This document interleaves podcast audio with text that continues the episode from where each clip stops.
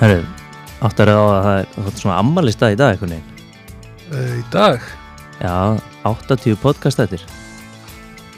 Heri, já, þú segir nokkuð. Já, Þetta er færtu eftir þátturinn að hilum? og þú er með 40 þetta fyrir, Já, flugkasturinn. já, Já, ok, þetta er magna þú er að spjalla heldur mikið, sko. Það er búið að gasa aðeins í hann blessaða mikrofón maður. Já, og nú í þessari viku ætlar að gas, gasa við hann Jóhannes vil okkar. Jóhannes Henriksson, já, hann hérna kemur til okkar á skemmtilegum tímpúti. Hann er að lappa frá yttir ránga eftir að verið þar í átta ár staðarhandari og, og síðum sjöluna og allt, allt sem því við kemur.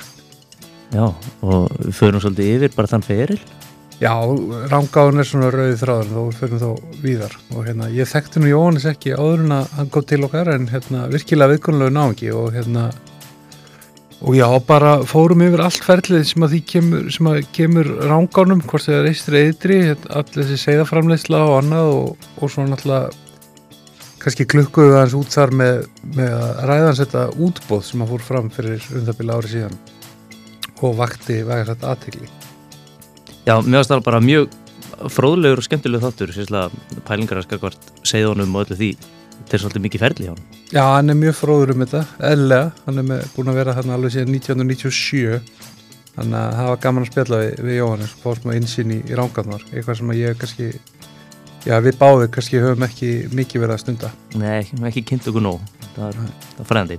En við getum okkur bíó í gerð. Hefði já, okkur hann Friðjón í veðiflögu bauð okkur og, og 240 veiðimönnum og konum í, á frumsýningu Allra, allra síðasti. síðasta veiðiferðin. Já, þetta er að leiði mikið. Það er alltaf mjög skrítið að fara í bíó með fólki sem að hefur allt sama áhuga mál og myndin er um það sama því að maður heyri stundum ekki myndinu fyrir hlátri sko. Þetta var einhver mesta, mesti prímaloft í okkur sem að hefur saman komið á Íslandi. Er rosalegur sko. Ég fyrst sem ég hugsaði svona að allir í einhverjum svona mismunandi gráum svörtum svona ruslapokum finnst mér alltaf Já, þú kallar þetta ruslaboka, við, við, við kallum þetta prímaloft. En hérna, já, þetta var, var áhugaverð mynd, svolítið framhald af, af, af fyrirmyndinni. Það er svona, svona reitt að gáka fram manni einhver staðar en, en að vissulega veitir þetta ágætti sínin í kannski einhverja veiðferðir. já einhverjar, já það Kannski, já, og þessum ferðum fara nú fækkandi. En æ, það er alltaf bara eitthvað svona atrið sem er alltaf smá slegin við í þessum mynd Já, en hérna... Bara ég mæli með að þið verða að kíkja á þetta farið í bíó og hérna hlæja á óförum þeirra félaga. En Birgir, það er ekki bara hérna, við erum ekki bara í bíó. Það eru líka góði menn sem standa með okkur hérna í, í gerð þessara þátta menn og konur, það eru hérna Eirberg, Já, það er stutt í að við þurfum að miljón lykkjum í eldvandinu Ég ætla að fara að redda mig meira tutti Heri, við erum að fara við erum að fara að ná okkur í túfti og við erum að fara að ná í þess að silent viftu sem nefndum við síðast að þetta Já, hún er möst, það er orðið svolítið súrt hérna hjá okkur sem þú maður nýta. Já, verður oft ansi súrt hérna hjá okkur á, á, á, í höfustöðum hilsins. Og þá er gott að vera með svona hérna, silent viftu sem er líka svona loftgæða reynsir eitthvað sko. Svogar hérna döppið úr loftinu og, og hérna við verum ekki orðinir svo, svo pappi Derek Súlandir hérna eftir að vera búin að vinna þetta. Já talandum líka hvað það er að vera í nótunni Það voru strákanir hérna í veðifélaginu bara hjá okkur, rétt hjá. Já, eru hérna á jarðæðinni, það er veiðifélagið, Dótt og Gunni. Þeir eru nýbúin að fá sendingu að fullta einhverjum röblegs púpum og dóti Þannig að þeir eru að fara leiðin í sjóbyrting en til að kíkja á strákana og ná ykkur ykkur á púpur. Og svo er það náttúrulega sílskinn vörunar Já, það verður kallt í vor já þetta, þetta rettaði mér ansi vel síðast sumar þegar að hérna þegar það fór að leka einhver, einhver neðafransokkur hjá mér. Þá bara skellti ég mér í, í sílskinn og hérna svo náttúrulega sendur strákunum bara til mín beint nýja vöðlur en hérna þetta berúaði bili heldur vel fyrir mig. Sokkarnir algjör snild og hanskarnir og, og hérna húðnar við verum, ég verð bætti með eina svona góða reyðhjóla hérna með deri í eldvatni 5. 5. apríl. Ég fór það peysu líka, í fóruðapeysu frá Eirberg að sjálfsögðu. Ja, þetta verður að vera allt eins og, eins og hjófólki en hérna Jóhannes Hinriksson njótið. Jóhannes, velkomin í Hilin Takk fyrir það, gáðan að koma til ykkar. Herri, þú stendur á já, tímamótum, þú verður ekki 100 á eitthvað dagi vöðlurum í, í sumar. Já, það má nú segja það. Það er breyting að skila af sér yttir ángá til annar núna og, og vera komin í inni vinnu á skristofu. Já, mættur í, í fastegnarsöluna. Já, Er það ekki svona svipað og hérna að selja lagsveili? Alltaf að lofa sólríkum dögum og sunnan glöggum og, og hérna allt það. jú sko, í dag er markaður svolítið sérstakur eins og flesti vita að það er seljanda markaður. Það er henni selst allt sem kemur inn á söluna. Nú er aðal aðri að veiða inn eignir Já. að vera að hitta menn og konur út í Er bæjum. það ekki svipað á í lagsveilinni? Ég meina það seljast öll veili og hérna og bændur eru bara Jú. situðu mótnar þeirra. Jú, jú, það er bara svo leys. Þetta speglast. Þetta, þetta er mjög líkt. Það er hérna, þetta þyrfti að vera að koma með eitthvað svona, já, Hagstofan og Selbankin, eitthvað svona lagsveiði vísitölu hérna, til að svona endur spekla ástandið í þjóðfélaginu. Já, nákvæmlega. Nákvæmlega. En Það verður gaman að sjá hvernig það þróast. Núna er fólk búið að sitja heima og ekkert að gera og, og langar að gera eitthvað og er, og, og, er að kaupa lagsviðleifin. Það verður gaman að sjá hvernig þetta verður eftir þegar allt verður opið Mhm. og svo núna er náttúrulega Rúsland að lókast og Já, svo framvegis. Þetta er ótrúlega heimur já, já. á þessum tímanum sem við lefum, en hérna, en já, alveg staðreind að það er mikið af fólki sem ætlaði til Teneríf sem að setja budgeti í veðistöng og veðilefi og, og eru bara orðin veðimenn í dag til þessi tvö ár. Nákvæmlega. Og þetta sást nú í, sko, nánast öllum veiðibúðum í Skandinavíu með tengsli við veiðibúður í hinga og þanga í Skandinavíu. Það var bara mók sala, alveg ótrúlega sala. Það var viðsnúningur á búðum sem hefðu staðið sem mjög illa. Já, Þetta eru bara, þeir sem voru að reka þær eru allt í hennu bara meistara fjármála menn, sko. Nei, en, en það eina sem gerist var COVID og fólk komst ekki. já, komst ekki á ströndina. sko. Já, akkurat. Já, maður heyrði það bara á, á hérna búðunum hérna, Já, á. Íslandi líka, sko. Já. Herri, já, þú ert að, þú ert að hérna, segja skilu við eitthvað ránga eins og þú sagðir, þetta er, þú ert búin að vera þar átta ár svona sem höfuð þeirra starfsemi Mhm. í, í samstarfi við Norman sem hefur haft ána á leigu, Já, en ert, hva, það er nú ekki fyrst skitt sem kemur ránga, hvar byrjar þetta svona? þetta byrjar þetta byrjar 1997 að þá ég er úr, sagt, úr fljótslíðinni sem er rétt við Kolsöll og áhenn sem rennir um fljótslíð er þverá í fljótslíð en ég er þaðan og uh, skólafélagi minn hafi verið ráðinn í sælubúi svo kallað sem var, var upplýsingarmiðstöð ferðamanna á þessum tíma.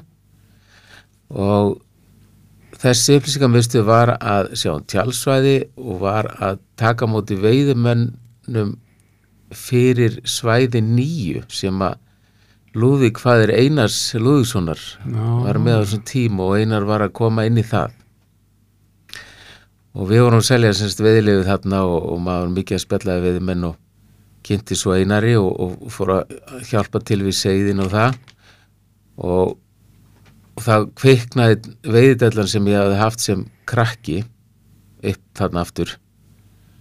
Og áður við sáum þá var ég farin að gæta þarna í Ísturanga þannig að það eru liðin nokkuð mörg ár sem maður hefði staðið í þessu. Og ertu þá þarna í eistrjáni mest til að vera með það? Já, engungu, ég vissi ekkert um Já. það hefði aldrei farið þangað og en kunnim bara mjög vel á Ístrána Og hvernig, hérna, svo náttúrulega, þarna er þröstur með þetta og svo náttúrulega verður einhvern veginn átni bald alls sáðan þarna í, í sölunni og veðilegunum í báðmannum. Já, þröstur er ennþá þarna í ytri og svona fljótlega upp úr þessu, ég man ekki nákvæmlega hvað ár það var sem að þeir sem að lagsa tekur við ytri ánga, Sýk, skil, Í- 2002, 2003. eitthvað svoleiðis já og uh, já, en, en Árni var sem sagt að selja megniða veðileifunum í Eistrángá viðfélagi sjálft seldi alltaf ykkur fjóra stangir á dag minnum mig á móti lagsa Mhm. og það vantaði það vantaði alltaf ykkur að gæta og svona já. maður sendur út að gæta og ég byrjaði að gæta hjá honum Kristni Eh, nei, honum skúla Krist, Kristins sinni, pappi. Árna. Já, pappanna. sem margir þekkja. Og uh, maður fekk svona fyrst eitt, tvo dag og svo enda með því að, að það vantaði að gæta allt sumarið. Já, og, og þannig var þetta bara. Þeir sem voru tilbúinir að vinna, þeir fengu að vinnu. Einmitt. Og þetta var svona Það var náttúrulega mikil æfintir tímar þetta er að svona þannig eru fyrstu svona mókveið árin að koma inn eða ekki svona fyrir 2000 og Já, já, ég man fyrst ég fór mér þúsund og svo tvö þúsund og þetta var alveg æfintýri sko. Og þetta er svona tímar það sem að það sem að við gætarnir kunnum miklu minna en strákarnir sem er að byrja að gæta í dag. Mm. við hefum sko, ég átti eina flugveðistöng, það var Reddington frá átta, þetta kannski margir sem mun eftir þessum stöngum. Reddington Red Fly. Já, ég notaði það Mín fyrsta ásleis líka sko. Já, já, ég notaði það bara í allt. Mm það var lagsilungur og vekja og bara allt og svo var maður stættur við ána og var að gæta. Ég man sérstaklega eftir ég var að ég var að gæta ungan frakka og var með tvíhendu. Og þá hefði ég ekki snert tvíhendu. Ég kunni ekkert á tvíhendu og hann segi við mig, jæja. Það var eitthvað að brasa við að kasta gekk eitthvað illa og kasta þú, síndu mér hvernig hann gerir þetta Martröð. Já, en ég hugsaði bara nú er bara dugið að drefast ég verð bara að kasta. En ég tók bara stöngina og tók þetta overhead alveg leta bara strekkjast alveg aftur og fram og, og dundraðis út og gjör svo vel Vá, vá, það var bara mjög sáttu við þetta Gekkja En hann fekk fullt af lög sem þessi strákur og hann var Jacques Druer, ég veit ekki hvað þið minna eftir honum. Hver er það? Hann, var, hann átti nú hlut í lagsa á sín tíma. Já, Fransmaður. já, hann ekki eð þó Það getur vel verið, Ég ég það. ekki eignarhaldið þar. Nei, ég, ég held það Ykkur tíman í allir þessi nörda ferð, ferðamennsku manns í þessari veiði þá er maður búin að kaupa þessar helstu ásýkninga og rennur þetta allt svo Já, auðvitað, auðvitað.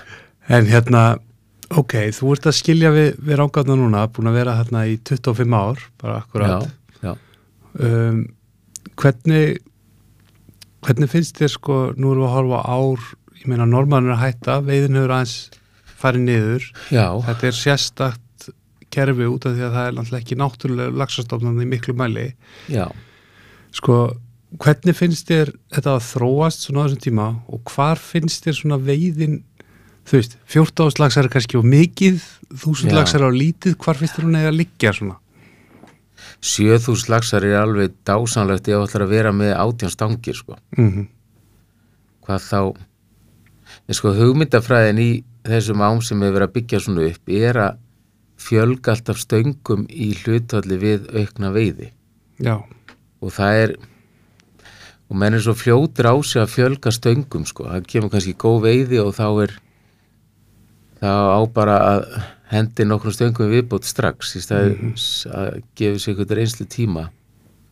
En þegar að þegar við vorum að fá sko 6, 7, 8 ás laxar það var alveg draumur, það voru allir að fá laxa og mm og öllum leið mjög vel. Þess- þetta 14 lagsa ár það var náttúrulega bara rugl sko. Þú varst að draga út já, þú varst að draga út línuna og bara af lags á kastaðir og einn tók og, og þú mistir hann og jafnvel annar mistur og svo landaðir þriði á Mhm.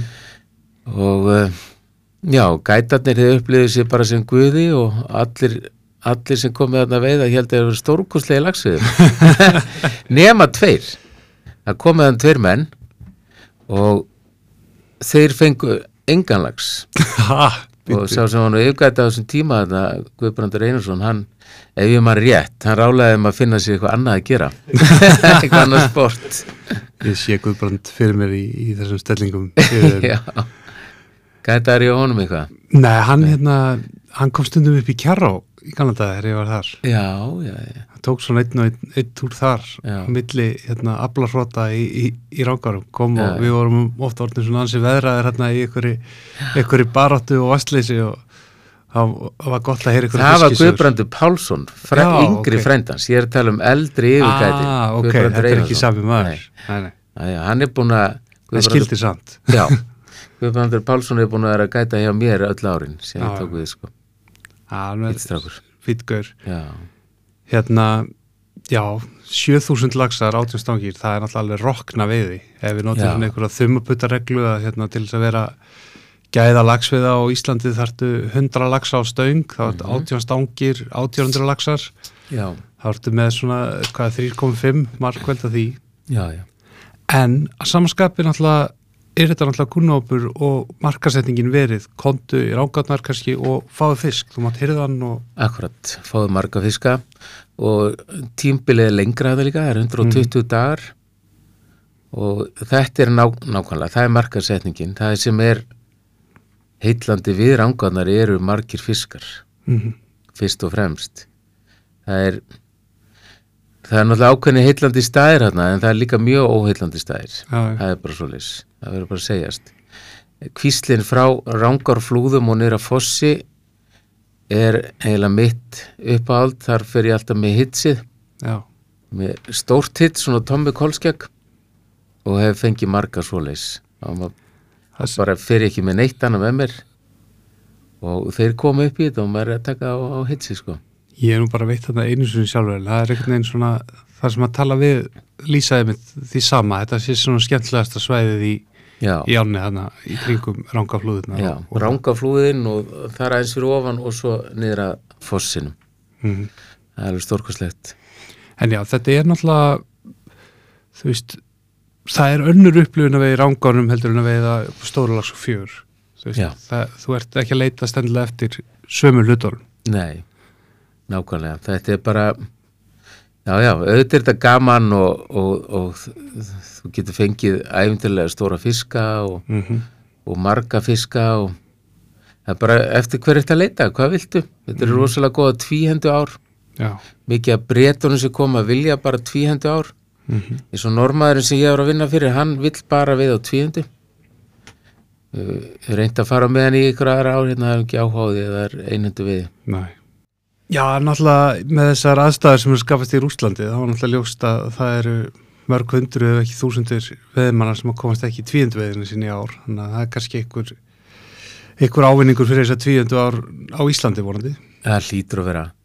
Ef að menn fylla ekki eistri og ytri ranga á í ár, það, það er eitthvað aðsko með þessar aðstæður. mm -hmm. Það er þarna, þetta er bara talsum stór hópur sem vill veið á tvíundur Já. og elskar það. Og þetta var, þetta er líklega verið bara góð áhættar sem að Ingo og félaga tóku að taka blönduna. Það er nú mm. -hmm. aldeilis fínt tvíhendu á.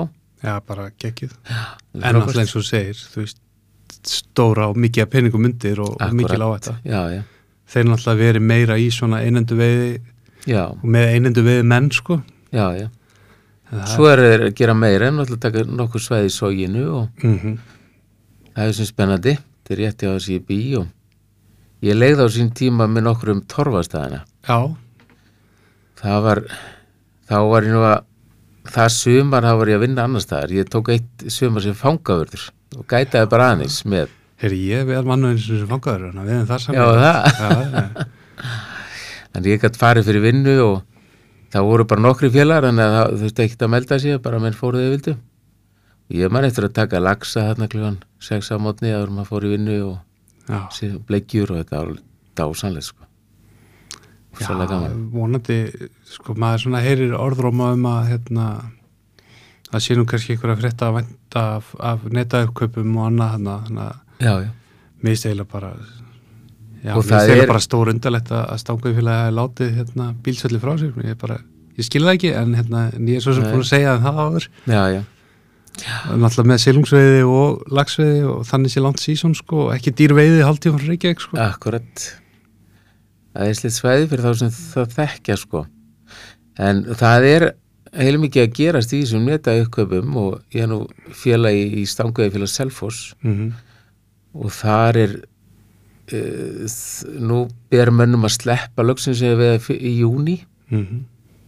og að fara að sleppa stórum lögsum og svona þannig að það er verið að nútíma væði þetta svæði og verið að vinna mjög vel í þessu Hefur veitt á pallir, ég hef aldrei veittar Nei, ok, það tóða kannski ekki Nei, meir í þig ég, en mig. ég, ég, ég er að verða að prófa það núna sko. nú Já, nú hefur tíma. er nú í tíma og, og maður er svona þú veist, ég er að selja fastegnir á svæðinu og gott að hitta menn og Já, algjörlega. En það er einn maður sem að fær alltaf alla bíkara á á uh, ársháttíð eða ársfundi stanguði félags Selfoss.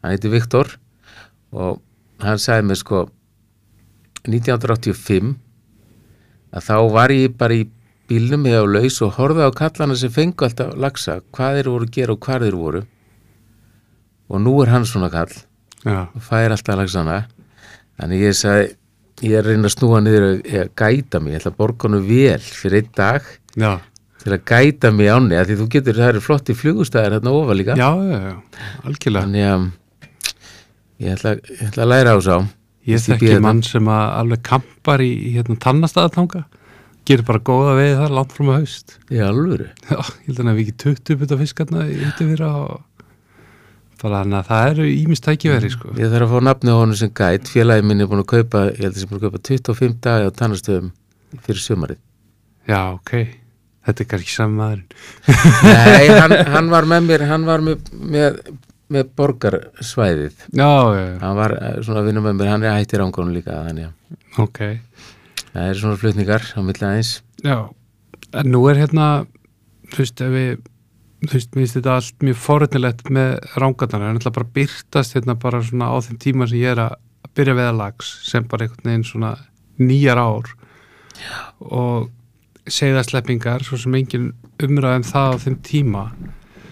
Um, Nún er eitthvað svona, þú veist, samkeppni í sjónum við náttúrulega segði ég er svona hallast að það sé nú kannski bara dropi, dropi hafið bókstælega sko já, en hvað finnst þér svona almennt um, um segðasleppingar og, og svona segðasleppingar kannski líka í náttúrulega mám og ég er kannski að krefja þeim ykkur svör við ykkur sem þú hefur ekki skoðan á? Jú, jú. Ég er þarna ég er nú pælt ofsalega mikið í þessu. Mér finnst áhugavert að heyra viðtalið sem tókstu við Denna og félaga. Mm -hmm. um sko hvað hvað verða mikil afföll í ánum sjálfum. Mhm. þarna þeir voru að taka fyrir sela og Já, já, í Vesturdalsáni í vestarsáni, já, sem mældu mér finnst það ég er hann alveg stórkostlegt að ég sé að gera þetta.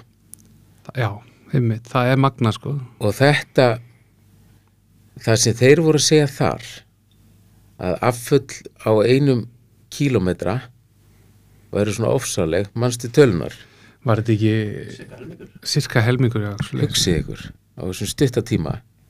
Uh, fræðin sem ég lærði í þessum seiðasleppingum sem að koma nú kolla fyrir þau, ég fekk, fekk leiðbenningar, leiðbenningar frá hann meinar lúðu sinni sem var með Ístrangá þær voru að uh, bestu heimtunar voru ef að seiðahóparnir voru mjög jafnir við eru flokkaðir vel. Þá ertu að tala um flokka til stærð í Flokk- uppeldisferðin Akkurat, flokka Uppeldisferðin eftir stærð. Og svo voru þessi stærðaflokkar teknir og settir í tjörn.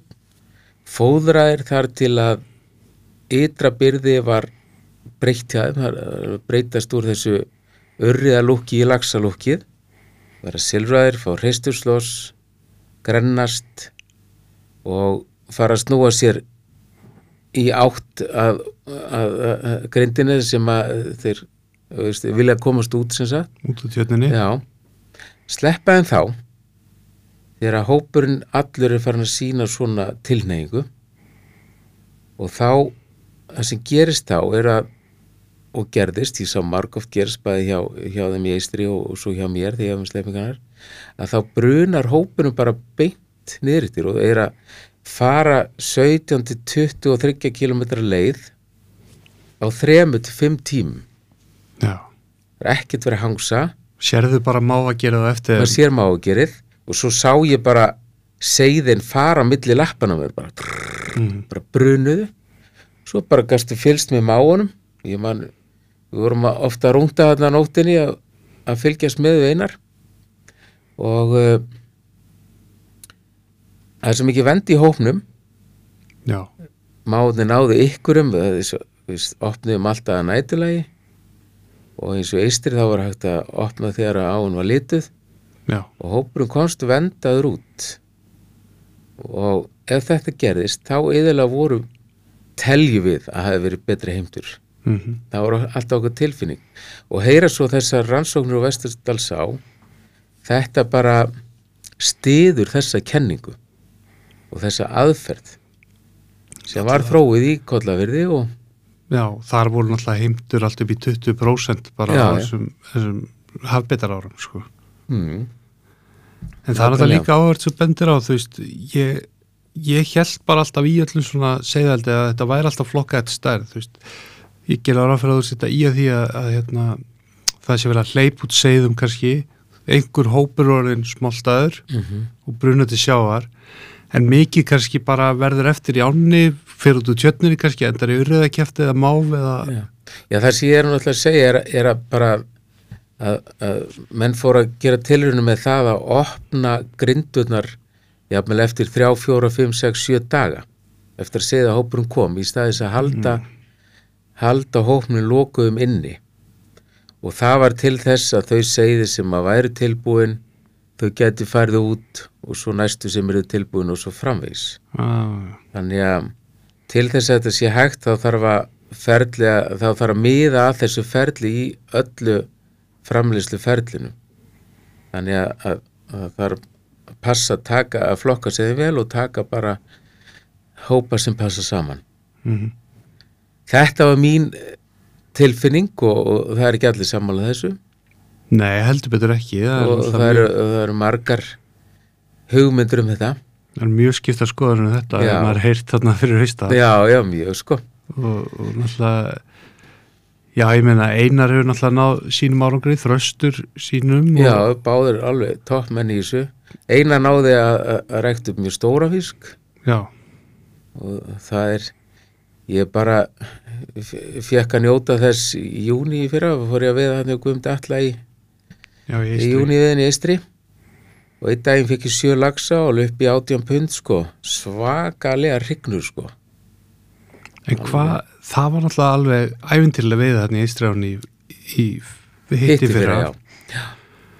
Svona þvert á gangmála hérna Já, annar staðar, þá er alveg ljóst að það hefur eitthvað þú veist, það hefur vel til hefnast það er, það er lítil, lítil aðrið sem virðast kannski lítil þegar að frá. Mm. okkar sjónáli séð sem eru kannski að hafa stór áhrif á loka Já. átkomuna það árnefla það ruggla menn í rýminu sko að því að það getur hafa ekki verið hafið. Var það svona æðislegt bara fyrir eistrángar fiskin Mhm. hann, fór, hann fer náttúrulega svolítið seint út. Já. og fer stærri út, er bet, betur búin ekkit endilega stærri. Nei, það hefur ekkit endilega verið betri heimtur af einhverjum 60-70 gramma seiðum freka bara þessum venlegu 30-40 gramma. Ok, en, en kannski bara jafn hópur sem fer út.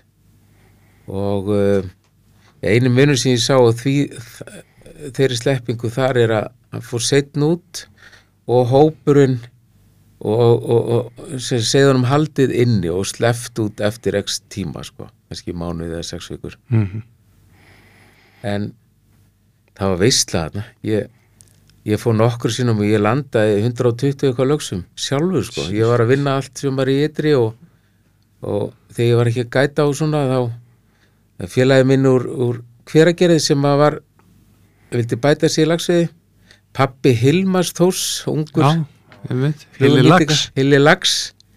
Mikill vinnu minn, fekk Marilagsinn hjá mér hann í ytri. Stórvinur þáttarins. Dásanlega drengur. Þannig að uh, það var COVID þarna og það voru tilbóð, menn komist ekki, þeir voru að selja svona dag og dag, þannig ég kefti bara daga fyrir okkur og ég bara kenni þér á þetta.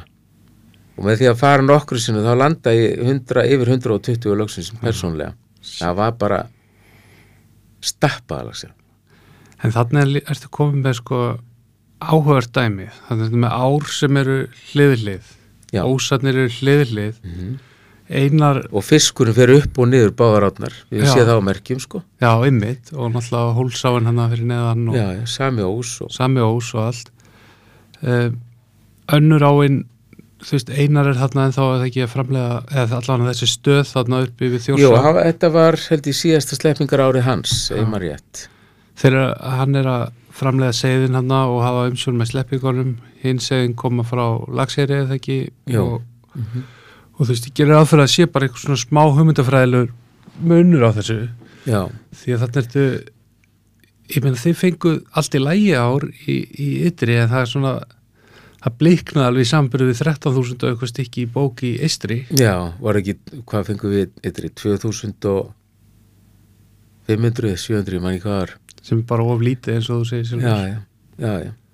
Hva, hver er munurinn? Getur þú sett pu- puttan á það? Hvað gerði eistri rétt sem að þið gerði ekki og svona?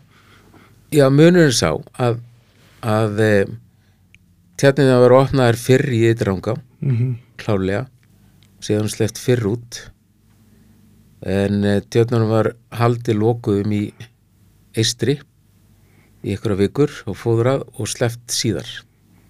Það er munurinn. það er munurinn Já.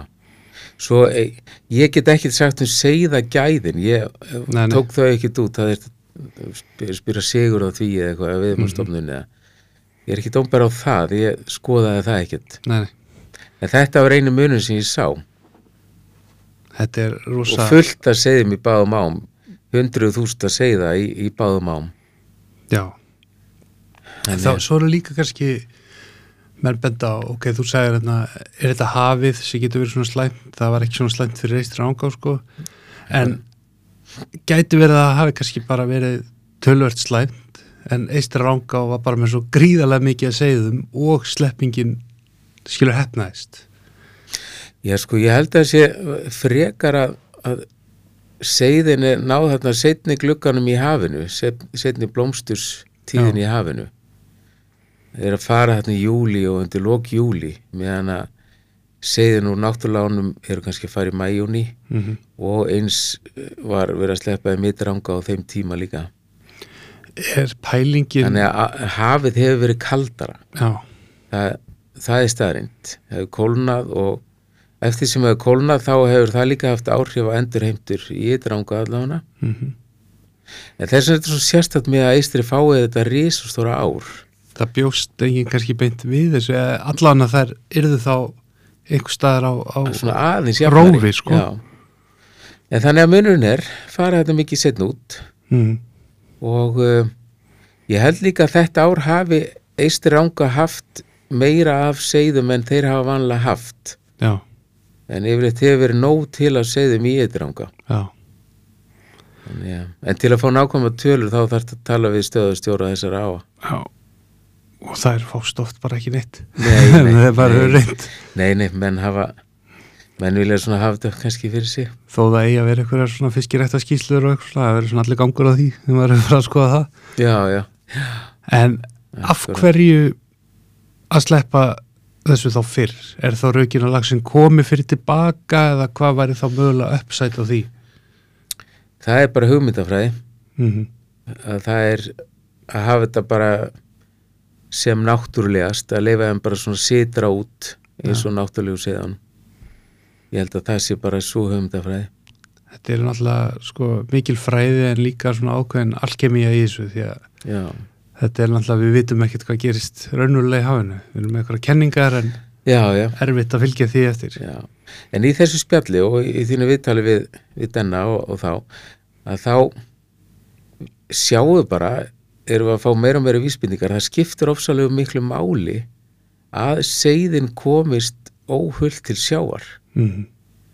og komist bara tilbúin og Þau mælast kannski fínt í júli í rafveðum árið áður en Já. svo hvernig þegar þau fara, einmitt, þegar þau smolta þá náttúrulega þá eru þau ofar í vastálkinum sko, eru, þú veist, þú sér ekki gera að reyna við einhver, hérna, einhver par sko. nei, nei, en sé, veist, ég, ég sé þetta alveg fyrir mér, ég hef séð sko, þau kannski komast segjum bara eins og ytranga komast frá tjötinu frá ranga flúður komast nýra djúbós svo eru flatneskjur þar og grinningar. Mm svo eru kannski bara þúsund máar þar. Já, og hvað er þeir að taka? Bara- alveg helling. Þeir eru með unga á Eru annað þeir ekki bara að taka þúsundir seiða? Jú, öruglega sko. Þannig að ég held að þetta sé vannmetið mm en, en En samt ég bara manna einar tala alltaf um hann hefði mikið skilning á að koma óhuldum til sjávar. Og eistir náttúrulega með þessa litu daga sem, að, Já, sem, að hann sem vill er hafa verið að nýta. Já, þannig að hann er, er merkilegu kallan Einar Lúðísson Já, mjög að- segur, að reyna ímislegt í þessum brasa já, En hérna, ég man þegar að normaðurinn tók hérna ytri á, á leigu og, og þú fórst að vinna þarna. Já, þá var uppi stór áforum sem að mér þóttu mjög spennandi. Um kanóaferðir upp og niður þetta langa sílungasvæði þarna. Já það hvernig gekk það? Sko ég var að vinna með e, vinnu mínu e, sem að heitir, eða sem ég kynntist bara þarna í þessu ferli Karl Ejólfur og hann hann var búin að vera að vinna fyrir normannin í, í veiðibúð sem að þeir eru með þetta í Bergen. Og það er mikill silungsveið áhugi þar og svona. Hann vildi sinna e, norskum silungsveiði mönnum bara mjög áhugavert og skemmtilegt. Og það voru mikil áform upp um það að kanna þetta 50 km svæði eða hvað það er hérna sílumsveði svæði upp frá til lítar og sjá hvað er þetta að gera úr því. Þannig að það voru keft svona lavútjöld svona eins og við myndum það ekki sem indjarntjöld en er svona eskimóa Þetta er svona eins og mongólar eru með Já. svona hyrðingjar eitthvað Sýberíu og eitthvað og, ákvæmum að vera með þrjá kampa einn upp í Galtalæk og svo tvo á leiðinni niður Árbæðafossi og, og við smiðum við mitt palla í þetta og keftum kamínur og, og vorum eldi við og allar svona aðstæður fyrir menn. Fyrir normenn þetta er svona hendaði mjög normunum svo kom, kom fyrsti norski hópurinn byrjaði upp í Galtalæk og endaði svo niður undir Árbæðafoss og var þannig í viku. Og þeir dóluðu sér bara á kægonu niður veittu bara hvern einasta blett? Já, og fyrsti hópur fekk vel. Svo kom næsti hópurinn. Og hann fekk miklu minna. Svo þriði og það var ekkert að gerast. Bara búið veið alla fiskana? Bara búið og en sleppa þeim aftur. Mm en bara þessi á þóli svo lítið álag í urriða. Hún er náttúrulega ekki frjó. Nei. Það er náttúrulega þess vegna við að sleppa þarna og allt það sko. Akkurat. Þannig að þetta var þetta var skemmtir þetta æfintir og svo vildi Íslendingar endilega fá að prófa þetta. Og við spurðum ítrekkað kunnið á kajaka og kunnið á þetta? Já, já, já og þeir fóru að stað og rétt komnir út í kajakana og veldu verið þeim, mistu iPhone noni og ætlaðu að kæra okkur.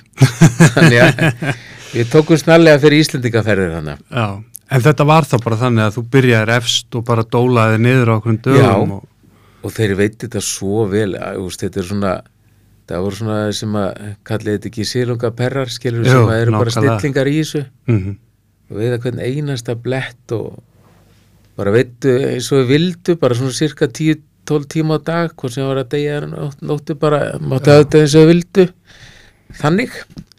En þannig er þetta náttúrulega eh, svona líka að benda svolítið á að hérna, þetta, þetta veiðisvæði, þetta silungarsvæði þetta er náttúrulega, þetta eru fáið fiskar sem komast á legg og, og ná einhverju stærð og, og einhvern veginn að, að að þreja þorran hann á að vita þetta Já, ég myndi segja að þetta, er óbóðslega fallegt svæði. Þetta er svona náttúrulegt vilt svæði, fallegt, en þetta er fyrir lengra komna. mm. Fyrir menn sem eru búin að fá útrásin í að veiða marga sílunga í mjög sveit eða tingullum með eitthvað sem hafa þólimæði í svona lað. En þá er það líka alveg stórkostlegt þegar menn komast á þann stað að þá vilja þær eitthvað svona. þarf bara einn Það er bara einn fallegan urriða og þarf að hafa mikið fyrir honum. Já, en að samanskapi getur álag líka svolítið bara veiði álag og Já. svolítið slögt í þessu Já. Þess vegna sko þróaðist þetta þannig hjá okkur að við vorum að selja fáar stangir hana mm. Og dagur sem allir þekki sem hlusta þennan þátt Já, dagur átni það er átni, hann var mjög duglur að fara hana og Guðmundur Atli líka Þeir hafa nú verið svona ákveðin sendiherrar þessar sæðis Já, já. Nefna. kunna þetta ofsalega vel en, en það er sama sagan hjá þeim báðum sko metið kannski mókdagunum þeirra með að kalla tíu fiskar og svo margi dagar sem er 0, 1, 2 Einmitt. Þannig að en stórkostlega fallið svæði. Geggja. Og þið reyndu nú aðeins að, að hjálpa þessu. Það var náttúrulega frábær það veittist einhver svona einhyrningur, einhver stór sjóbyrtingur upp í og svona. Já, það veitist tímönda sjóbyrtingur eistranga og, og menn tóku hann í kistu. Rigna. Já, og fundu eitthvað lítinn urriða heng bara. Já. og þetta frjókaði svona vel og það, þetta er fullt að segðum og, og, og það var það var sem sagt einhvern tíma sleft þrjú tíma, ekki hvað það var, þrjú til fimm hundruð einstu tveggja punda urriðum þarna Mhm. upp frá sem ég held að hafa nú allir enda niður frá Já, orðið stærri og verið svo drefnir í hólsa á austubakkanum hjá Hafliða Haldós já, það, var, það var svolítið gaman að því fyrir þremur árum þá veitum við sko þegar mjög leili veiði hjá okkur í lagsveiði að þá voru að veiða þá veitum við okkur að 70 til 100 75 til 94 cm sjóbyrtinga já, alla, eða megnaði þessu fyrir ofan djúbós mann að Bjarki vinnum minn gæt hann fór ægilega valli af þessu að, að þeim og, og, og maður gæti alltaf gengið að einu tveimur og hann og henni gætanir voru að við þessu stóru fiska og fóru með viðmenni þá og mönnum fannst, útlendingunum fannst alveg stórkoslegt betra en lags og bara geðvikt fiskur bara yfir tíu pund fyrir breyta og, og hafa bara tekið vallega mynd og svona og svo bara onni aftur. Já, Svo hitt ég svo hitt ég Aflega Halldór sem er þarna á Ármótabæin í Mhm. Hólsona, Östubakkan Já, við drápum 350 stóra byrtingu í sumar. Jésús uh, maður fallast hendur maður fallast alveg hendur sko, við vorum að reyna að rækta þetta upp. En ég held núna að þeir sem eru meistaranga á Jóhann Davíð og Píter og þeir allir að reyna að friða þessa fallegu fiska. Það verður alveg sem er alveg til að- stórkostlegt þið hafið nú friðað á Við erum búin að friða á frá því við komum. Ekki allir ánæði með það sko. Nei, nei. Við En að þetta að við myndum náttúrulega- drepa þetta og svona Þetta er nú svolítið gimsteinar þessara, þessar svæðis, þeir eru búin að vera þarna síðan fyrir mér. 10.000 ár og Já, þóla mörg heklugósin og, og köllugós og allt sko. þetta er algjör gersemi sko. Já. Þetta er sannlega þessi ísaldar urriði sem að er Alveg. Þetta er alveg magnaða skepnur. Og ég fekk drauma fiskin þetta fyrir tveimur árum í opnun það var róðalegu bóli. Það en hann bara, var hálf ljótur hann var svo gamall já, en þú Það veist, svona alveg þetta er samt eitthvað svo, mitt, það bara svona eitthvað hálfgeir risaðela sko. Já, já, 20 bynda fiskur eða eitthvað. ótrúlegt En það er oftið mitt svona eins og bendir á, maður fær stundum svona einhverja, í einhverju spjalli sko, hérna, þú veist, æ, það er hérna á með nokkrum urriðum, spá ég að sl- slepp í hana og þetta verður bara einhver urriðaparadís og getur maður hugsað sko, ég er eitt satt fólk sko, ef það væri fæði og búsvæði búið fyrir 500 urriða í viðbót, þá væru bara 500 urriðarinn í viðbót. Það er bara svo lis Það er alveg er saman þú sleppið þeim, þeir fara, þeir drepast, þeir endi í kjaftirum á öðrum urriðum eða mávi eða... Það þarf ekki að leika neitt guð þar sko Þetta er allt öðru sem þess að lagsa Mm -hmm. þess að hafbetar ár Því að þær segja fæðið annar staðar. Já, þeir sækja hafbetar ár þú þart ekkert fæði Nei. Ekki neitt Engin búsvæði, ekki neitt. ekkert annað en vatn og bara staði hilji og strengi sem getur veitt á Mm. þú skelar þeim frá þér, frá þér bara feitum og patarlegum brunandi sjávar, fitna þar koma upp í ána og ég heit ekki neitt Nei, það er hafbetra það er hafbetur á. en það er allt öðru sem er örriða á sko. Já, eða þar sem þú ætlar að fara að alla eitthvað, já, eða bara sleppa nokkrum sumaröldum seiðum og svona. Ef það væru aðstæði fyrir seiði að þreja, þá væru þau bara þarna. já, enda sko það sem að það var sleft í all flestar ár fyrir svona 15 ára síðan Það er ekkit lengra síðan. Nei, það er ekki lengra síðan. En þá var verið að sleppa gönguseðum Mm sem var bara hrein viðbót. Já, Það var bara sleppt úr tjörn, tjörnum, þurfti ekki að ná sér í mati eða fæði í ána og komum svo bara tilbaka og menn voru að veiða þess að eins og fiska aukalega. já, ég man, Og það er svo sem alveg hægt. Ég er ekkit með því að móti því að neitt, menn verður bara að finna út í því sjálfur. Ég veit að, að þessi þróunar líffræðingar þeir eru á móti því. það er alveg þannig. Þeir eru algjörlega móti. Ég fór að tala á rástefnu nefnilega fyrir nokkrum árum í Skotlandi. Að séða frá rángar æfintýrunum. og, og það var bara eh, alveg reyn lína þar þeir vildu þetta ekki Nei, þeir, það hérna, þeir sjá þetta rosa vel í, með hérna stílhettin í, í bandaríkjörnum. Já. Þegar þeir byrjuð að stípla allar átnar hérna já, já, á millistriðsárunum, Mhm. húver tímanum, þá hérna fóruð þeir einmitt í ykkur svona mótvæðis aðgerðir að sleppa bara í stórum stíl. já, já, Og nú komið svo fyrir mörgum að þessum stofnum að hæfnið þeirra til að lifa af í náttúrunni er bara orðin miklu skertari já, því að það fer ekkert fram neitt náttúruval, sko. En mér, mér finnst þetta oft svona En svolítið... svo er ótrúlega mikið, eh, samt hefur lagast ótrúlega hratt það sem er að tekja allar stíplur er það ekki. Jú, jú, jú. Það, þeir eru fljótir að tilenga sér búsvæðin en en samt þeir ekki eins, þeir eru samt svona með þetta hérna, þeir bara eru búin að mæla það að fiskurinn sem, sagt, sem er erðablandaður á, á þennan hátt sko að hérna hann heldur sér til dæmis ofar í sjónum. Eh, það er meiri líkur að verði hérna, fyrir aðráni frá selum og fuglum og öllu svona, bara svona litli hlutir skilju sem einhvern hann er bara meira gælidýr svona. Já, hann er bara meira generískur skilur, það Já. ná öll gen alltaf fram að ganga í margar, margar kynslaður 50, 60, 70 kynslaður Já. og þá bara svona dregur úr þessum vægi þessara erðarna sem að hafa Já. áhrif á afkomans í náttúrunni sko.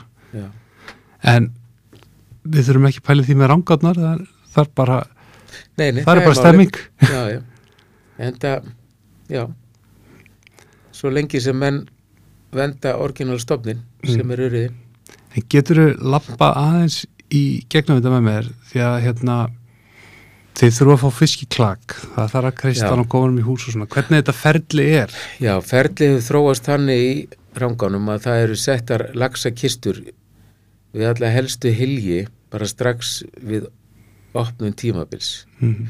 og menn taka helst stóru hrygnunar og koma þeim svo bara eins og í ytranga og þá erum kert upp í húsafell. Mm. og þar eru risastórum kerjum það sem fer bara mjög vel um þar eins og er, er stórum og góðum hil allt sumarið. Já, og svo er, það er náttúrulega mun færri að hanga. Það er svona verið að ræta þeim bara yfir tímbilið og svo bara kreista hausti. Þið viljið náttúrulega helst ná þessum snemgengnum hrygnum. Já. og það hefur verið gert í mörg ár. Mm en eh, já það, ég- kreista hausti. já, kreista, kreista hausti bara og svo er þetta alið í tvo vetur Já, þetta er alveg þar. Þetta er ekki það að þú, þú, þú bara, þetta gerist ekki bara á nokkru vikum og mánuðum. nei þetta er ekki Fólk áttar sig oft ekki á, á því samingi, sko. Heldur þetta bara sé, þetta Já. byrtist bara í, í tjötninni. Og, já, já. og það kemur upp sjúkdómur í ykkur stöð og allt drefst þá ferði ekki að kaupir þetta í bónus sko. Nei, það lítur nú að vera svolítið áhættu þáttur í svona rekstri. Það kemur bara upp nýrnaviki eða, eða bara frísi einni lögn eða eitthvað. Þetta er nú viðkvæmt ferli, sko. þetta er það en eins og stöðin upp á húsafelli hún hefur sjálfrennandi heitt og kalt Já, þeir geta stilt þannig að það eiginlega getur ekki gert sko. Nei. en svo náttúrulega er allsins það þarf að passa að koma ekki mingur og, Mm já, og bara fara mjög að löfana til sjúkdóma Þetta er svona veist, þetta er ákveðin landbúnaður okkur Já, rauninni, já. sko. algjörlega sko Hérna þeir á vestfjörum eru farin að kalla sér laxabændur sá ég í síðustu helsi, helsi öllisingunni. Já, Þetta eru ja. kannski meiri laxabúskapur einhvern veginn svona, hérna, svona elleri.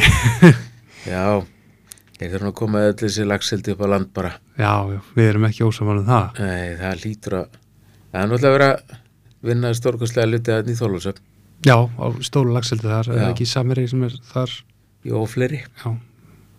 Vonandi bara að það þrýr gangi vel. aðeilar Já, held ég til að byrja með frábært. það er mjög gott sko segðu mér, nú hérna sittur í hér, þú ert bara orðin óbreyttur fastegnarsali við öðlutnar svona konar bara til hátíðabriða um, Já, það verður sannlega að fara í það samt flesta eftirmiddag, ég býr rétt hjá sóginu og Já, það er úr þetta vel staðsettur hérna á Já. En það það, fór náttúrulega Já, ég meina það er þvílí kláka núna allir snjórin farinn og svona fyrsti dagurinn hérna sem mann svona geti hugsað sér að fara setja saman sko. Já, En það var já, ég ætla nú kannski að fá að kalla það farsa allavega. Það var ákveðin farsi í kringum þetta útbóð á ytri ránga fyrir ári síðan. Já, búið að bóða hérna, þið voru búin að láta þetta frá okkur, ætla ekki að framlengja og hérna, það er þið leitað þetta tilbóðum Já, 20. janúar í fyrra að þá er ég komið loka svar frá norðmanninum ekki norðmönnunum eins og það er kallaður eins og hann er kallaður. einn norðmaður. Eh, að hann ætla ekki að framlengja. Bændur höfðu, honum áframhaldandi sa, óbreytan samning eitt ár. En hann hafnar því og það er 20. janúar þannig að það var akkurat átján mánuðum fyrir sem sagt eh, átján mánuða fyrirvari skilur það eru sex mánuður í, í sísón svo heilt sísón þannig að hann svaraði þarna eiginlega bara síðasta daginn sem að hann mátti og, og þá hlupu menn svona upp til hand og fóta í, í, í veðifélaginu og ákvaða að fara stað með útbóð og það, já þá eru menn buðu, margir og menn buðu vel Það kom mér eiginlega mest ávart sko, því að það er náttúrulega mikil áhætta í öllum svona veðilega rekstri og svo Mhm. náttúrulega er mikil kostnaður í svona segða Klárlega. sleppi prógrami sko þannig að já þegar ég sá tölunar allavega fyrst Mhm. þá bara vá, mennur þú veist, þetta er virkilega góð tilbúð sem er að fá í þetta sko já, en þeim þóttu þetta kannski ekkit merkilega tilbúð svona nei, þeim landið fannst þetta allt og látt Já, bara allt og látt sko þannig að, menn var að bjóða um 150-60 miljónir fyrir árna ári. Já þá kom við í 170 að lókum Já, já með hérna hólsáni. Hestabóð, já, Já. Við höfum haft hann all- allan tíma líka sko. Mhm. þannig að, já, komir mjög óvart að, að þeir skildu að hafna þessu öllu en ég, við vorum svo sem minn maður var búin að hafna áframhaldi þannig að maður svona fylgdist bara með þessi fjalla.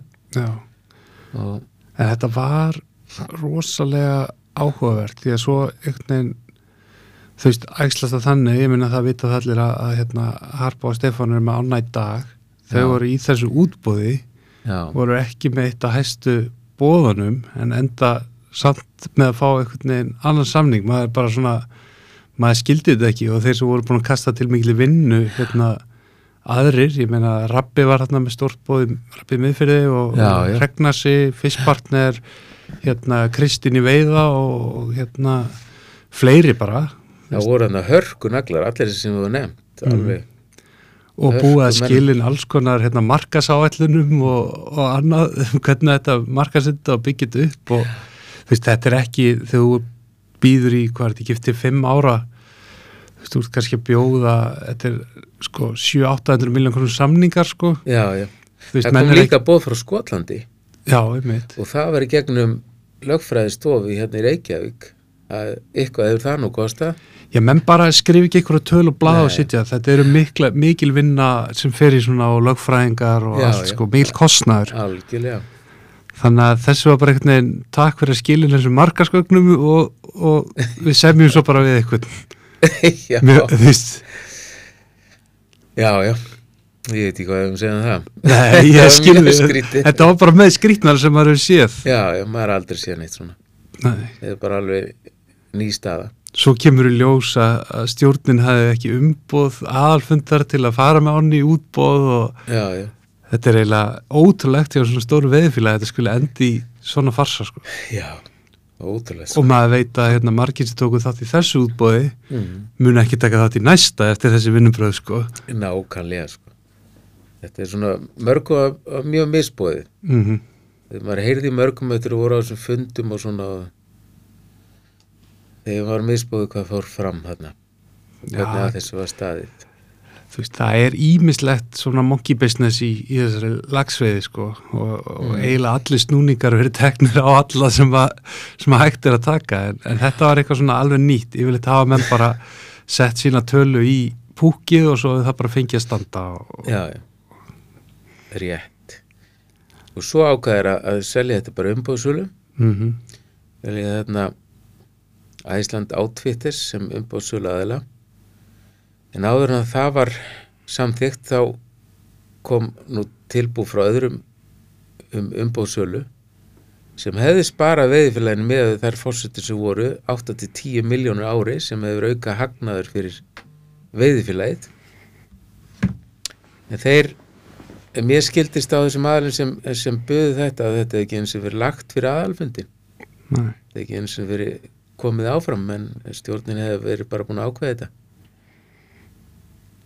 Já, það, þetta, þetta var eitthvað allt mjög sérstætt en, Já, vonandi bara gengur hérna yttir ranga og bara steppa, steppa á hörpu vel Já með þetta. maður óskar stepp og hörpa allsins besta og ekkert eh, ekkert svoleið sko, þetta bara var allt mjög skrítið sko, sko. já, bara svona til að klærfa þetta. Snýr kannski minnst að steppa á hörpu og meira kannski bara að veiðfélagin þetta var svona rosa skrítir vinnubröð hjá Já, svona stóru veiðfélagi mjög. með svona mikið undir sko það er mjög sérstætt sko. En þú getur kannski sagt mér annað, bara svona verið forninsækir, þegar maður semur um, þú veist, ef ég byði hérna 100 miljónir í ytri ranga og, og fengjana, um, þú veist, þú lítur að semja við veðfélagi sko um að þeir setji þá x af þessari summu í seiði á hverju ári eða, Já, já, veiðfélagi sér alltaf um síðasleipingar og þá er samið um lámarsfjölda seði sem þeir, þeir þurfa að sleppa.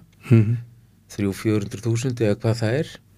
Og þeir sjáum þann kostnað. Þeir sjáum kostnað við veiðvörð já, og allt sem snýr að seða sleppingum og í raunni klagtöku líka, þeir sjáum það. Ok, en segjum ok og semur um hérna, já, þeir skuldbytta sér rauninni til þess að þú veist ég að það er verið mismunandi affölli í þessu. Stundu verða 500.000, stundu 300.000 til og Já, þeir semjum eitthvað lámar sko. Mm að þeir verða að skaffa það allavega og þeir geta þá samið um að viljum við sitja meiri penning við að keira veiðina upp. Já. já, já, ok. Til að gera sína áverðmættari það er áhugavert, maður, maður er mitt svona einmitt oft pælt í þessu hvernig þetta Já. er að lítið að vera erfitt einhvern veginn, því er ekki talað um hvað eitt segði er eina efra eða eitthvað Jú, ég held að sé nú orðið meira sko séð 200 kall. Ég ætla að kaupa séð held að sé eitthvað 240 kall. Hann að, en, en svo ef þú átt stöðuna þá náttúrulega með magninu þá nærðu verðinu niður. Mm -hmm, verðt ég að selja af öðrum segði og svona. Já, en það er náttúrulega þannig var þannig eistri það er ekki þannig ytri. Uh, þeir voru að framlega fyrir ýmsar ár Eig á veiðfélag ytrirángar Já, lagseri Já. já, ok, þá skil ég þetta betur. Húsafell í dag lagsærastöðun er ekki neittni framlýslu í dag sko. Ok, já, já, já. Þeir kiftu stöðuna því að það náttúrulega er þú veist, ef við bara skefum okkur að þetta sé þessi eh, hérna ein efrudala 150 kall og þessi 200 kannski, mm -hmm. ef við ætlar að sitja halva miljón seiði já. Það gefur auða leiða að það er þá kannski ekki hérna já, bara, þú veist Það getur komið svo lína þetta borgis ekki. Mm ef eitthvað fer virkilega úrs, úrskeiðis og endurheimtur verða mjög lélegar. Þú ert alltaf að sturta hellinga peningum í sjóin sko. Já, og endurheimtur verða mjög lélegar þá getur þetta farið undir það sem borgar sig. Mm Þannig að það þarf að huga ofsalega vel að sleppingunum og hvernig það er gert til þess að þetta borgi sig.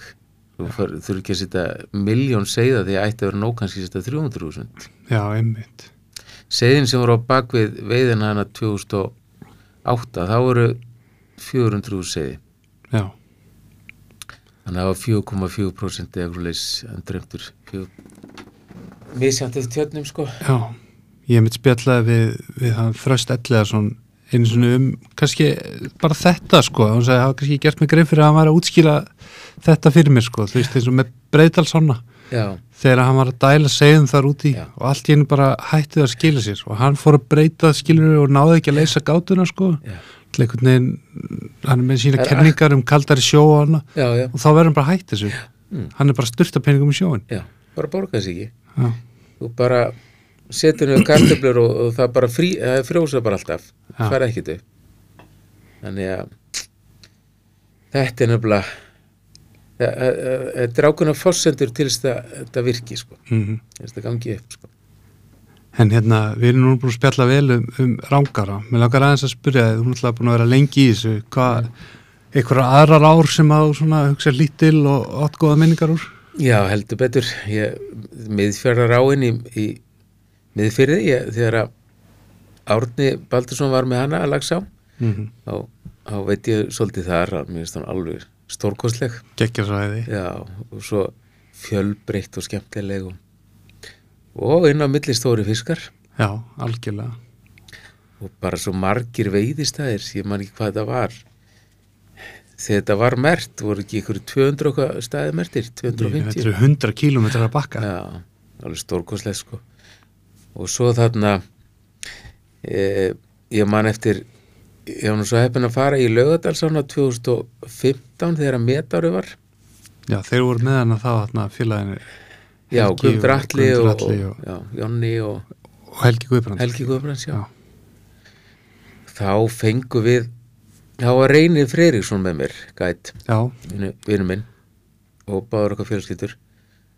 Og við veitum tugi lagsa ég, hvað, ég man ekki hvort fengum bara 60 lagsa eða hvað það var. Já, mikið á hits og einhverja pínu litla pöttur og ég man ég var að lifa uh, ungri dóttir minni þá, ég held hún hafi þreytt einhverja 6-8 lagsa. Mhm. Og en síðan hef ég reyndar ekki farað þarna. Það var bara ósvölega gaman sko. Já, mér finnst ég, hérna, ég fór þarna einmitt með, með hópa svisslíkum 2019 og voru rosalega óefnir. En þeir voru ánæg með ánæg, spyrum alltaf hverju ári hvort þau mikið fara aftur, ég hef ekki alveg, alveg hérna, týnt að splæsa í hérna, skafniðan fyrir þá, já, ég skilði en hérna, já, þetta er, er sjálfmennandi á, já, mjög. Og ég gisti hérna í gamla húsinu. Já, það var eitthvað verulega góður andi þar. Já. Svakalega gott að vera. Ég, menn hafa talað um það nú er búið að mér að segja aðeins að sjæna hérna held sér komin ný rúm og, og hérna ný eldur er ekki komin í bygging Svo er náttúrulega ný bygging alveg Já. hliðin með nýjum Sötnbergjum Já. sem er bara svona eins og maður þekkir úr þessum flottu veiðhúsum með klósetti og allt innan gengt já, ég svona. hef ekki séð það en það sko Það, þetta, er, þetta er skemmtlegt en einmitt svona þú veist, þetta er, þetta er útudúr eins og, eins og með þess að blessu sviltíka svona raunverulega ástæðan fyrir því að ég kannski ekki farið með það aftur er að með þau í svona tveggja vikna túrar á flakkinu og vera að fara hann útudúr á vestjara kjálka, maður er ekki á leiðinu neitt maður er að fara þókar sko. nákvæmlega. Það er hellingskistla og en bara flott á og náttúrulega stangó með hann í dag og hérna já, já. Bara vonandi að, að það fara að byrtast eitthvað lagsatna þess nákvæmlega. Með kvítnar hana, já, bara, já, við maður endar einhvern veginn alltaf aftur á þessum bitur sinni gafur þessum blessuðu kvíum. Já, eðlilega. svo þú- lítil drauma á sem ég margótt farið, ég. Ekki komist í hann núna í 2-3 ár. Það er lagsa í skefstæðarheppi að tala því sem að farið þangað að tala og að falla um hana. Já, þú getur farið þarna og fengið ekki neitt en, en sko við höfum ég hef alltaf fengið lagsa þarna. Hvert einasta skipti og þetta er bara svona lítil perla gengur lengst upp í gilinn og svo eirar heilin niður frá og ég hef bara átt svo góða stundir þarna. Já, er að vonast til að komast þarna í sumar búin að sækjum viðlifi henni var lokað í nokkur ára ekki, Við, henni var bara gjörsalega slátrað. Já, ég held bara menn hafi gengið svo hart að að það var bara eiginlega ekkert eftir. Mm lokað og svo er þetta bara veð og sleppa. Já, skiptir mig ekki nokkru máli. Nei, nei. Eh, þú ekki veist, nútíma veðmann nei, þú þarft ekki að vera tínur þessar lítillir náttúrulega nei, nei, og það er líka svona smá rángar út úr öttur að hérna heldur mitt þeirra svona upp úr 2003, 4, 5 þeirra svona, þú veist það voru náttúrulega ákveðnar ár vastalsáðara farnari við að sleppa þeirra svona, það fyrir að vera meira trend sko Já, og stífari kvótar þá er kannski rángáin svona er rángarnar gáfi markanum svolítið svigrum til að þrengja þessa kvóta því mann gátt alltaf farið þanga og svona Já. náði í graflagsin fyrir jólin sko. en nákvæmlega ég borða alltaf mikið lags og elska lags Já, en það er bara úr eitt rángá sko. Og ég æstri já, ég hef fengið marga það líka. 120 þannig Já, Í hjáverkum. Já, nákvæmlega. Svo uh, Mér finnst norður á hún alveg óbáslega falleg. Já, þú verið þar á vorin. Já, og svo Svo kom ég þarna Var bóðin þetta með félögum fyrir Líklega þremur árum. Mánamótin er rétt Í byrjun júli mm.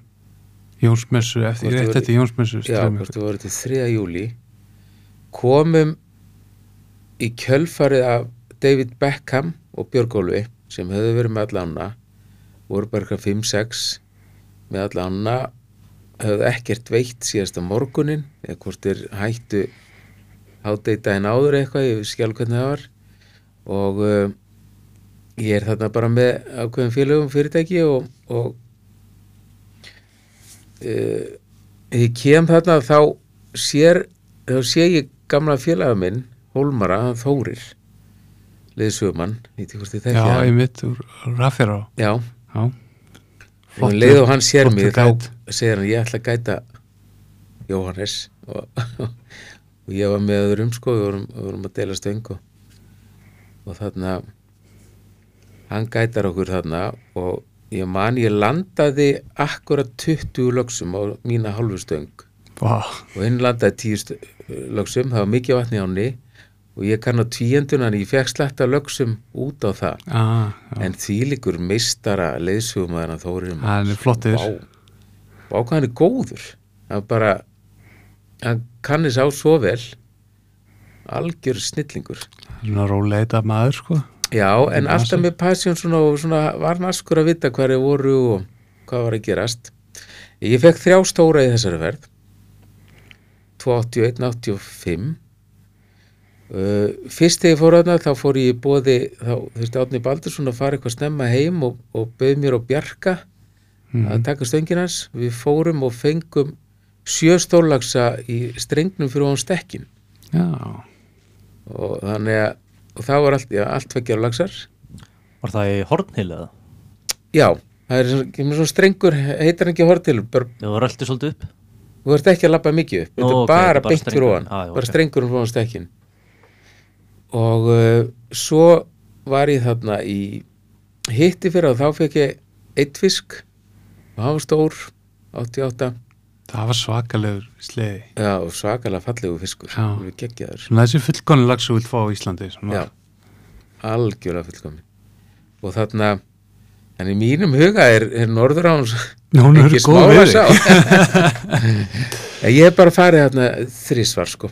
Já, En núna er ég laus, ég hef hafnað mörgum bóðum um að fara hinga og þanga, oft eru bara bóðum frýtt með mönnum sem að vilja hafa mig með og svona, mm en ég hef ekki vilja og geta farið frá, ég veist að stjórna þessari operation hann í dranga og þetta er bara Það við er- vera það Þetta er bara veiði hús og margi gætar fullta starfsfólki og fullta fólki og, og, og það sem skiptir máli þegar þú ert með svona stórt hús, þú þarf líka að vera svolítið skemmtikraftur, ég var oft vakandi langt fram á nættur með fólki og bara sinna fólki vel.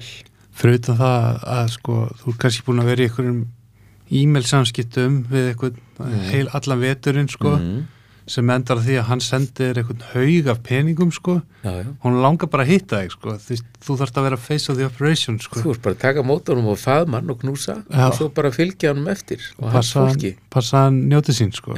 Þú getur ekki verið bara einhver staðar í einhver símasambandi í Selá eða einhver starfna staðar Nei, sko. bara sinna þínu fólki.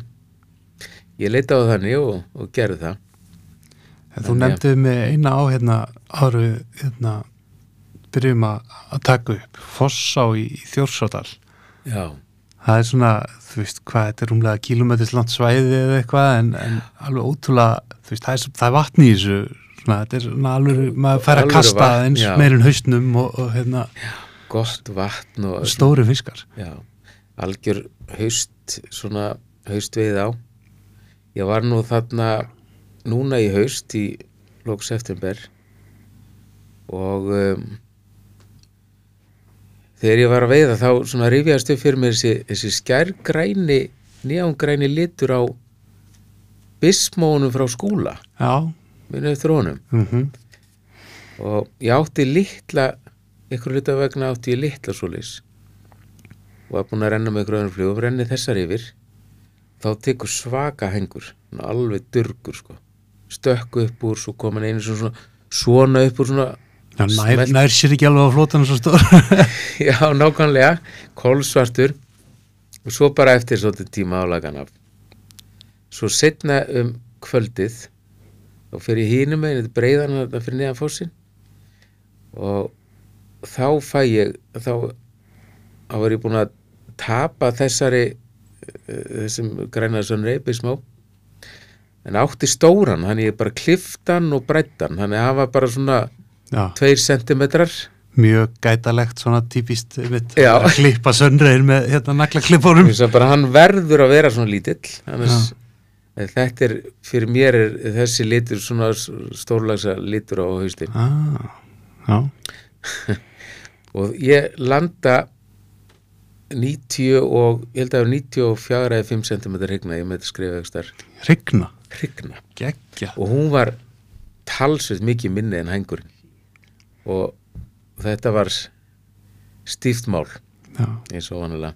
Ég hérna, ég hef nú satt frá því áður í þessum þáttum okkar að hérna, stæsti lagsi í séð sá ég í Fossá sko, þá já, var ég að veiða þarna með félaga mínum og þarna við drángin þarna fyrir neðan, neðan fossin já.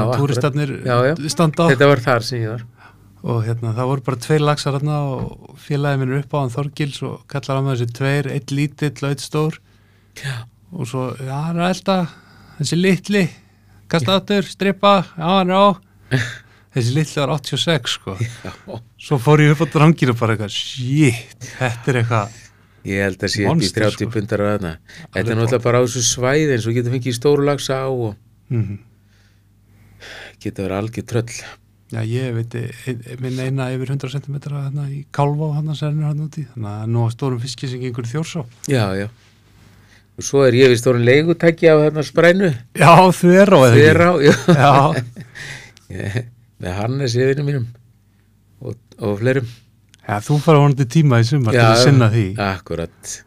En nú þegar að mitt svona vöðlutnar eru orðnar svona helgar og, og eftir vinnu Já. apparat, en ekki 9-5, Já, á að vera duglegur að veiða. Sóið nefniru, þú ætlar að fara í Já. Ölmusá, Þverá. ég er að fara núna, ég ætla að byrja í Skotlandi. Ég er að fara með Guðum Datla og nokkrum írum, vinum okkar.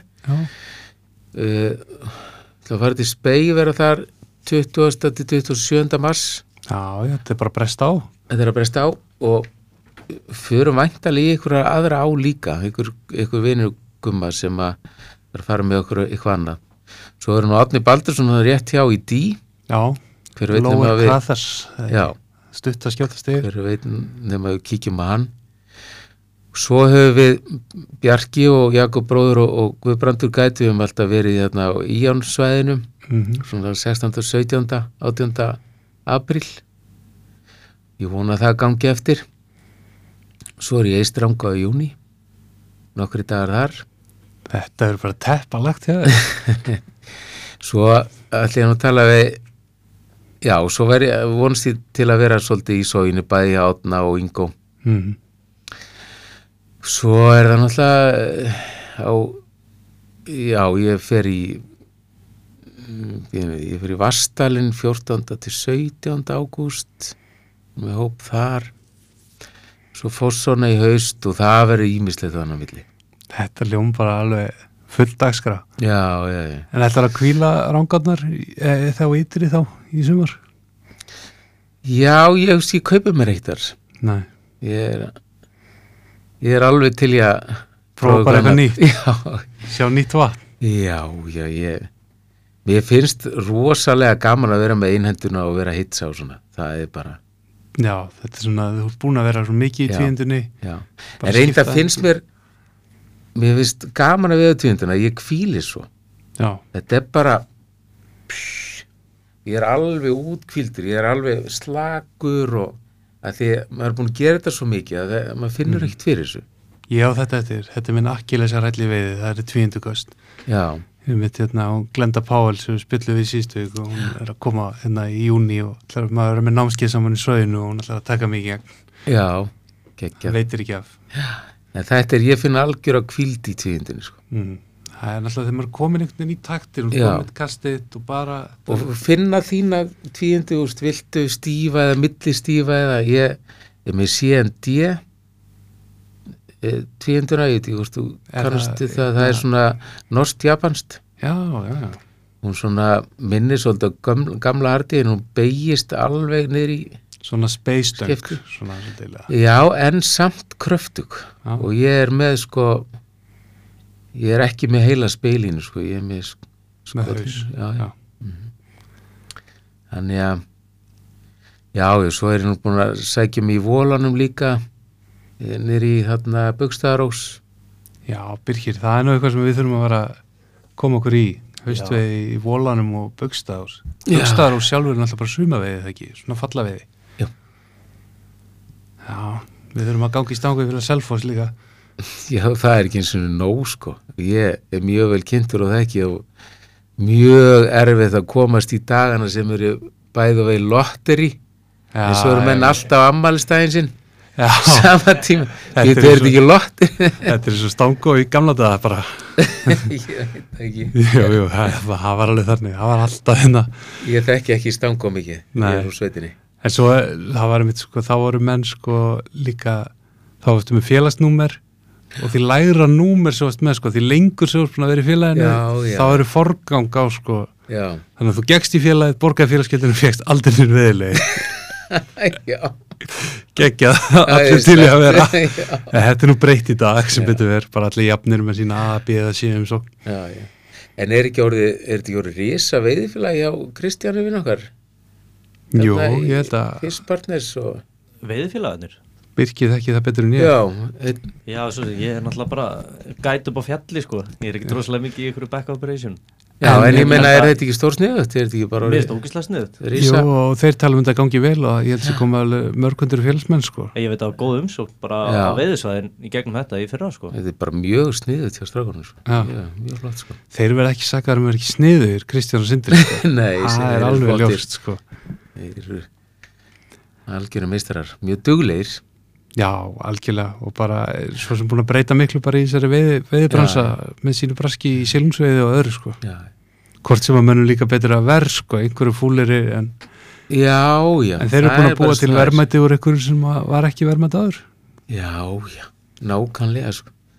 það er bara menn nýta, svona duglegi menn nýta bara tækjavarinn og ég ég er svo sem útiloka ekkert hvað ég gera varandi veiði í framtíðinni. Nei, heldur að ég er afturkvætti að hérna, við mitt byrja að lofa sólsælum dögum á bakkanum en ekki bara lokni á pallinum.